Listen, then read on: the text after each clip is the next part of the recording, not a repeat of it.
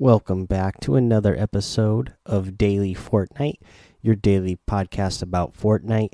I'm your host, Mikey, aka Mike Daddy, aka Magnificent Mikey. So today, we got the announcement for version 10.10, but unfortunately, they already delayed it. It was supposed to come out tomorrow uh, but they say here, due to last minute issues discovered with the build, we've had to delay the timing for the release of the version 10.0, 10.10 update. We'll provide more details on an exact time once we have more information. At this point, this was, let's see here, five hours ago that they tweeted that out and at this point we don't have any more updated information so we don't know exactly when this update is going to be dropped as of right now. Hopefully pretty soon. Hopefully it's just a day or two delay and they can get that out to us uh, pretty quickly. Uh, let's see here. Uh, so we'll be on the lookout for that whenever they those patch notes do come in the next couple of days sometime.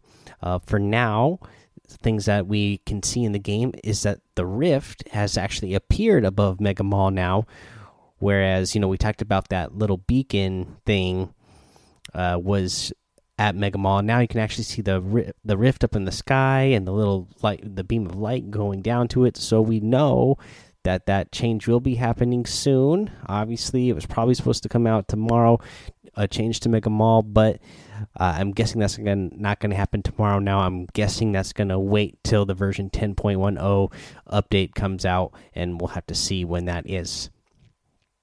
Also in the game right now, we have the Junkyard uh, Juke LTM in the game still, and the Sneaky Silencers uh, for duos is also the uh, other LTM that we have in the game today. Now let's go ahead and go over a challenge tip. For this one, I want to, uh, we'll just go over three challenges that you can all get done really easily in uh, in Team Rumble. And this is deal damage with SMGs to opponents, uh, deal damage to opponents' structures with a minigun. Eliminate opponents with a SMG less than 15 meters away. Uh, you know, obviously, go it, go grab an SMG while you're doing your damage to opponents for that challenge. You could also be trying to get up close and personal to get those um, eliminations from 15 meters away, 15 meters or less away. Uh, with those SMGs. And then the minigun, this will be really easy to do in Team Rumble. There's going to be so many structures around that you'll have plenty of uh, structures to shoot down with that minigun. Uh, also, you know, while while we're sitting here, uh, we might as well go over another challenge because you can easily get this done in uh, Team Rumble as well. Search chess in uh, in Tilted. You know, if you're playing Team Rumble, and that just so happens that Tilted uh, Tilted Town, I should say, uh, is on your side, you should be able to get this challenge done pretty easily.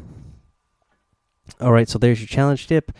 Uh, let's go ahead. We'll take a little break here. When we come back, we're going to go over the item shop and a tip of the day as well.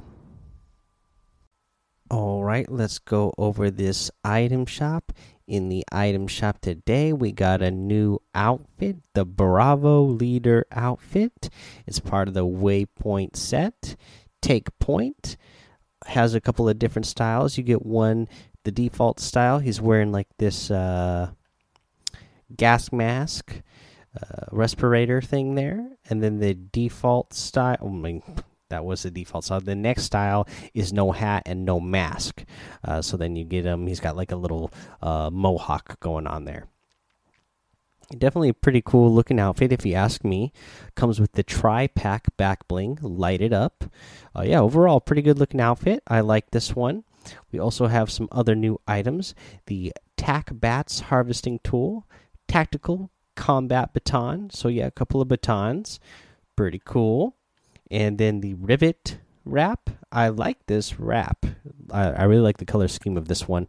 Uh, let's see here. What else we got today? We have the uh, Daring Duelist outfit back in the item shop today, and the Flint Striker harvesting tool. We also have the Magic Wings glider, the Spectral Axe harvesting tool, the Work It emote, the Bullseye outfit, which I absolutely love, the Brush Your Shoulders uh, emote, and the uh, Waypoint outfit. So this is also part of that Waypoint set. Uh, and again, she does have a couple of different styles as well, where she has the uh, mask on or one without a mask. So yeah, you got both of those outfits from the Waypoint set now, the new one and then the original.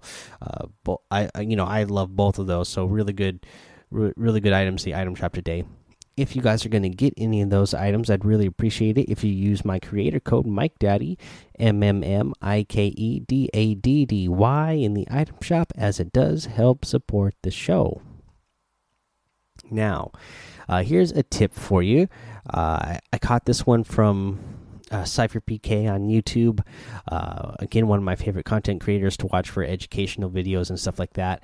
And, uh, you know, I don't carry shockwave grenades that often. I carry them around with me a little bit more often this season just because there's a little bit less mobility in this season.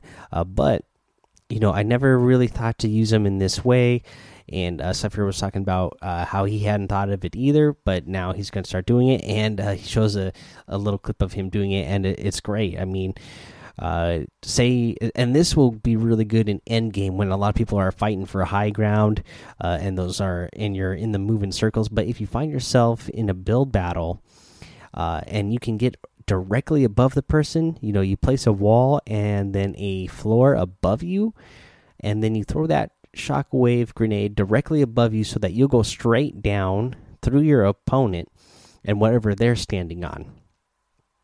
And then what's going to happen is you have the damage immunity because you use the shockwave grenade. So you're going to fall however far you guys are going to fall because you guys are really high up. You're going to take no damage.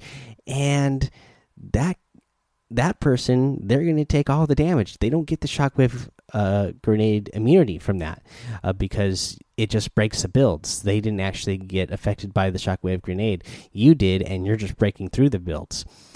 And also, the other thing you you might want to do while you're while you're doing this trick, uh, and Cypher does this in this clip, and in this clip he says it wouldn't have mattered because that the other guy would have died from the fall damage anyway. But the point is, you know, if especially if you're not super high up, uh, but you're high enough up that you, you know, are going to take some damage, but maybe the other person is going to die.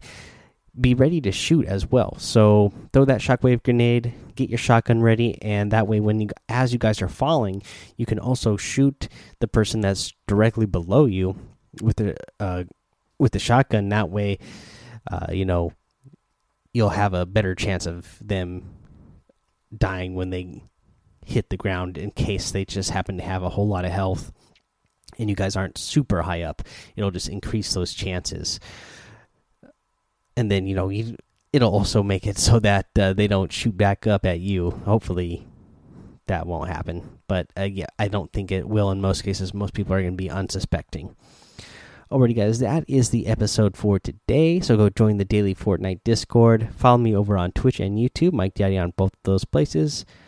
Uh, head over to Apple Podcasts, leave a five star rating and a written review for a shout out on the show.